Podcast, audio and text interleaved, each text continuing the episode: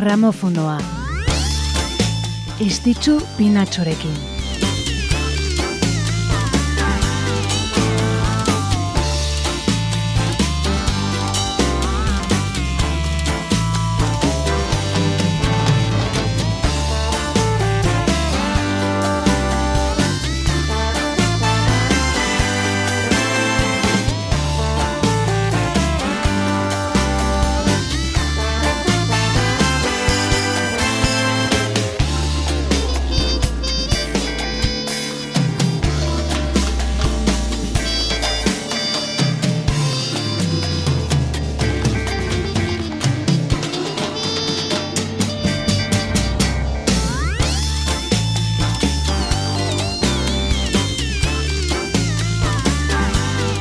Arratsalde eta ongi etorri gramofonora.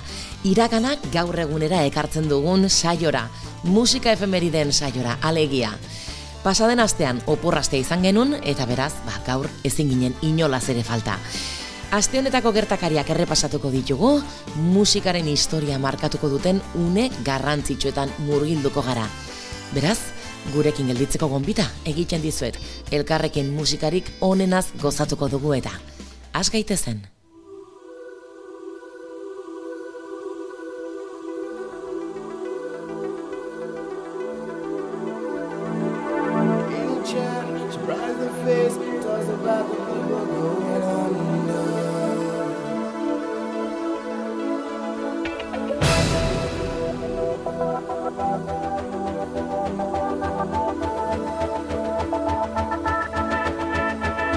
touch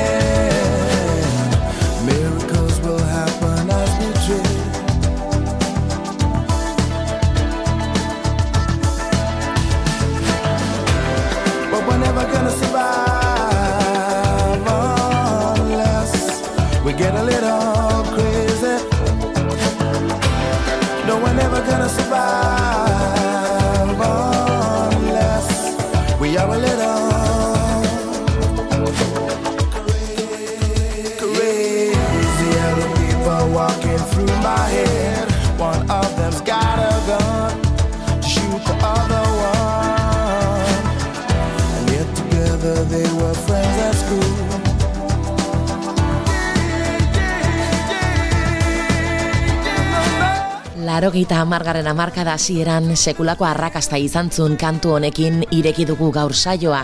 Zer eta astelenean, otxailaren emeretzian, sil kantari eta musikariak urteago eta zitulako. Silek irurogeita bat, honen izena da, Crazy.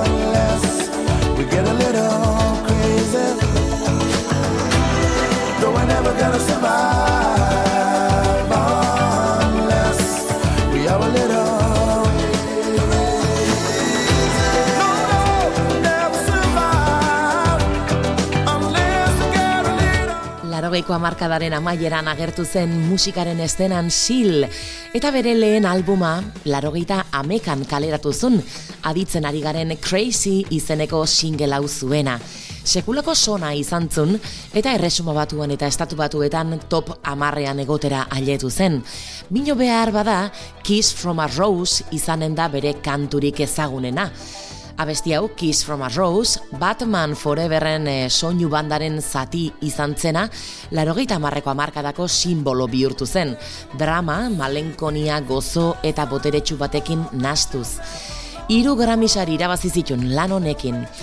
Bino sil ezaguna da ez bakarrik bere ahots sakon eta unkigarriaren gatik, baita aurpegian duen orbaina handi baten gatik ere, pairatzen duen eh, lupus mota baten ondorioa dena. Edo zein modutan, silek, soula, ritman blusa eta popa fusionatzeko duen gaitasun paregabearekin musika garaikidearen figura emblematikoa izaten jarraitzen du. She keeps a Moet Chandon in a pretty cabinet Anthony cake, she says, just like Marie Antoinette Building a for Khrushchev and Kennedy At any time imitation you can't decline. Caviar cigarettes, well versed in etiquette, extraordinarily nice. She's a killer queen, gunpowder gelatine, dynamite with a laser beam, guaranteed to blow your mind. Ooh, recommended at the price, insatiable and appetite. Wanna try?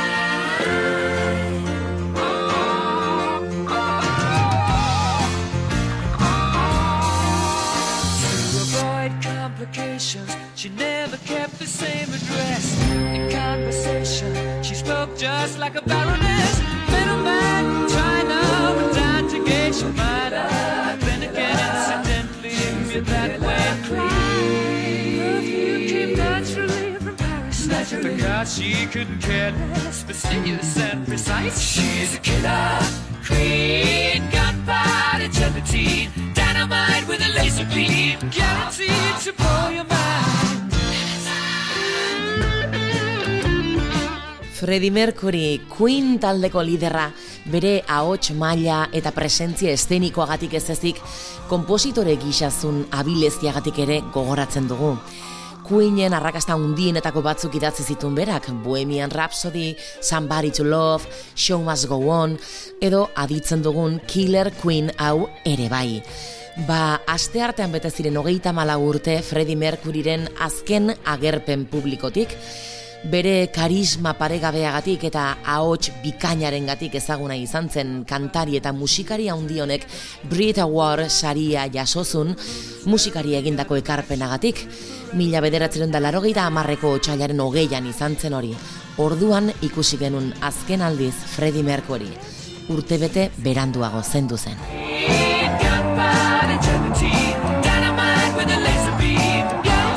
insatiable should be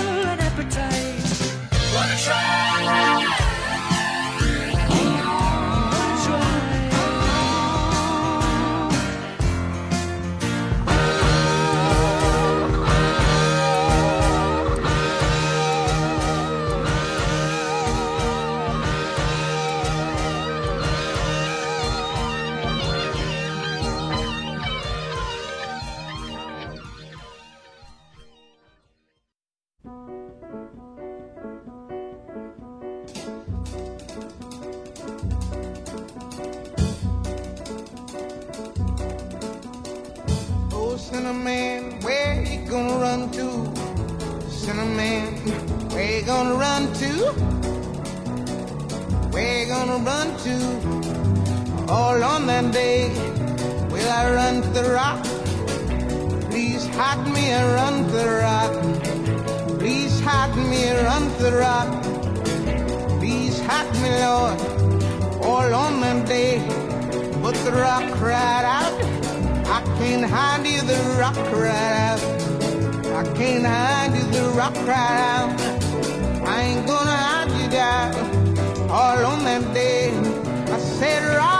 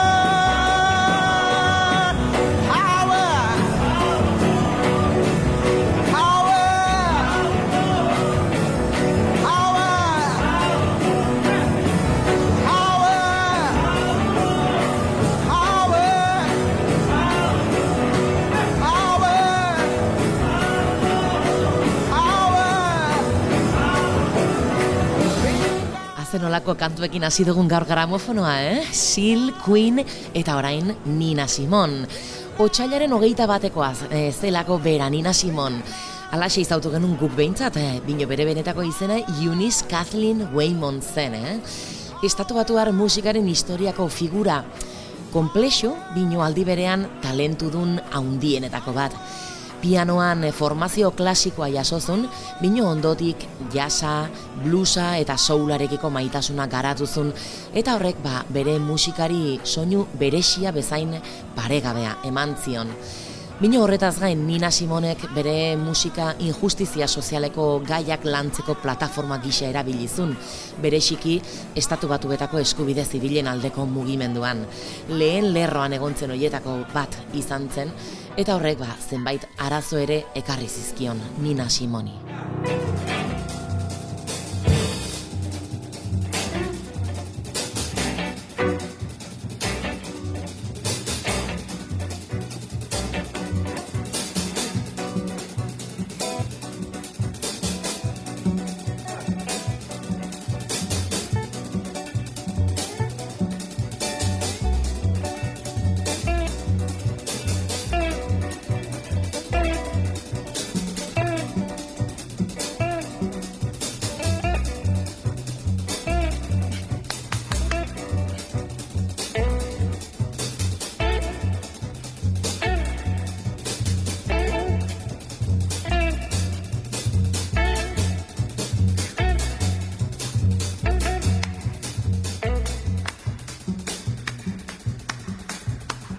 Nina Simonek bere ibilbidean zehar berrogei disko bino gehiago kaleratu zitun.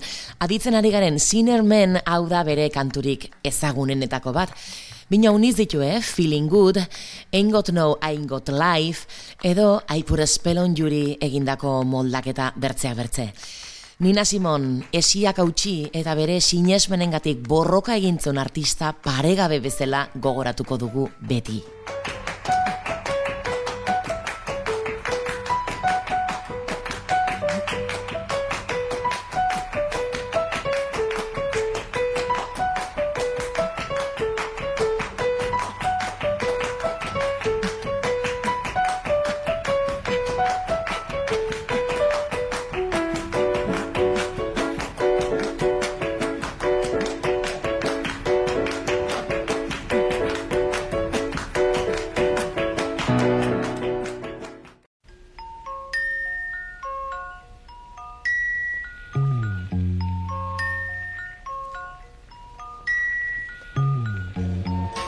Sunday morning brings the dawn in. It's just a restless feeling.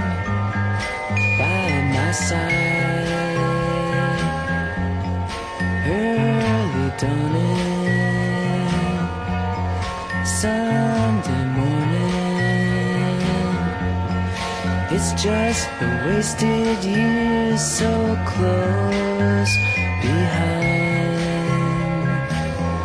Watch out, the world's behind you. There's always someone around you who will call. It's nothing at all.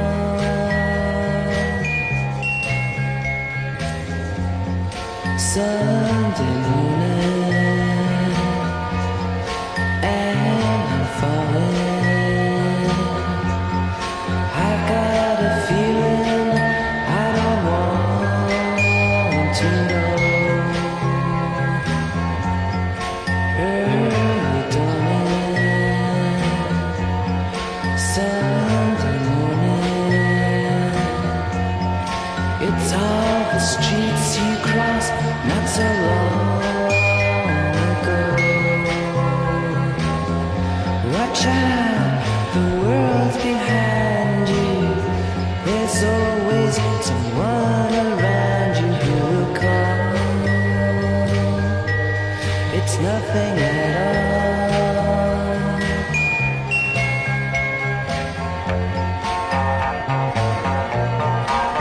Eta otxailaren hogeita bira joanez bertze izen handi bat, mila bederatzerun da larogeita zazpian zenduzelako Andy Warhol.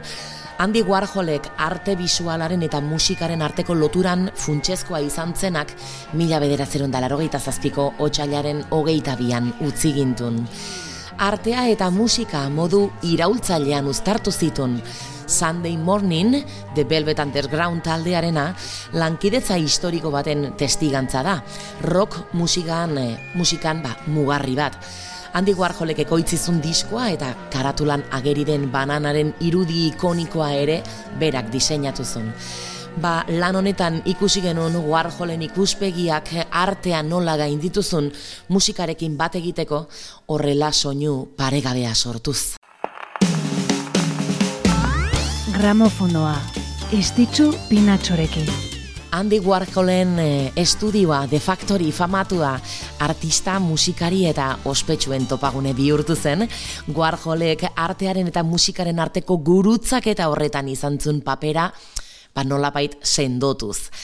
Gramofonoan gaude eta gramofonoan segiko dugu naiz irratian atzo bertan urteak bete zitun musikari bat zorionduz. Blues goxo batekin jarraituko dugu, atzoko egunean gogoratu genuelako bluesaren mito hoietako bat. Bera da, Johnny Winter.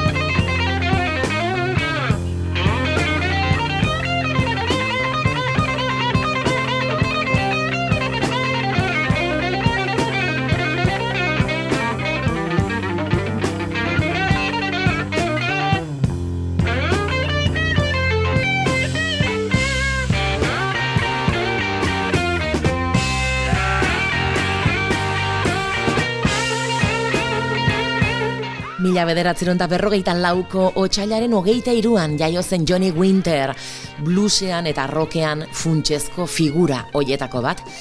Gitarran zuen trebezia bikainagatik eta bere itxura beresiarengatik ezagun egintzen musikaria.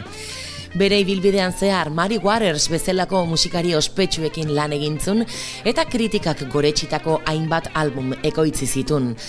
Estenatokian zun energiagatik eta bluesarekin izandako konpromisoagatik gogoratzen dute zaleek Johnny Winter. Bere teknikak eta bluesarekiko maitasunak Johnny Winter mito bihurtu zuten. Eta mila bederatzerun da larogeita zortzian bluesaren ospearen aretoan sartu zuten. Be Careful with a Fool izeneko kantu honetan gitarrarekin zun trebetasuna agerian utzizun.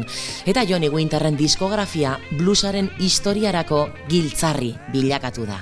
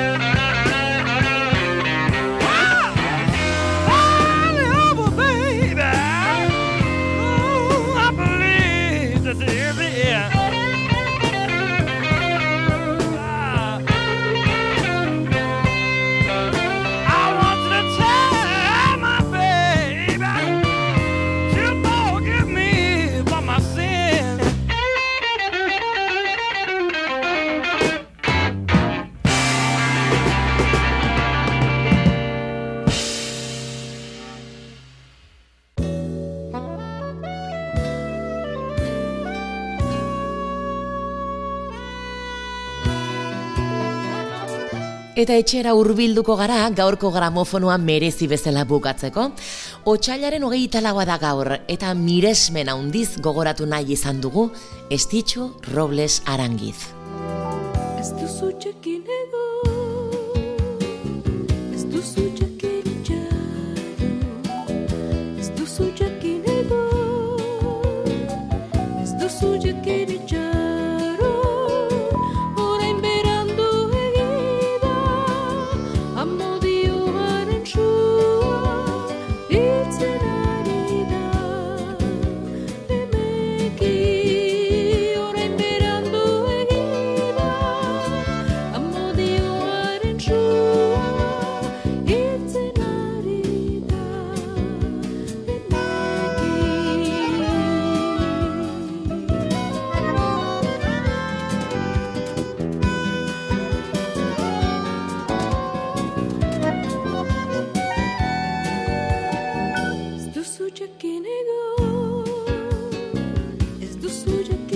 Estitxu Robles Arangiz lapurtar kantaria beskoitzeko urretxindorra ez izenez ere ezaguna bera Euskal musikagintzaren simbolotako bat.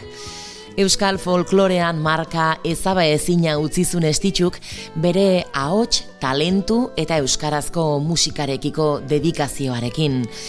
Euskal Herriaren nortasuna gorde nahi izan zuen estitxuk, hau mehatxupean zegoen une batean, zapalkuntza kultural eta linguistikoari aurre eginez.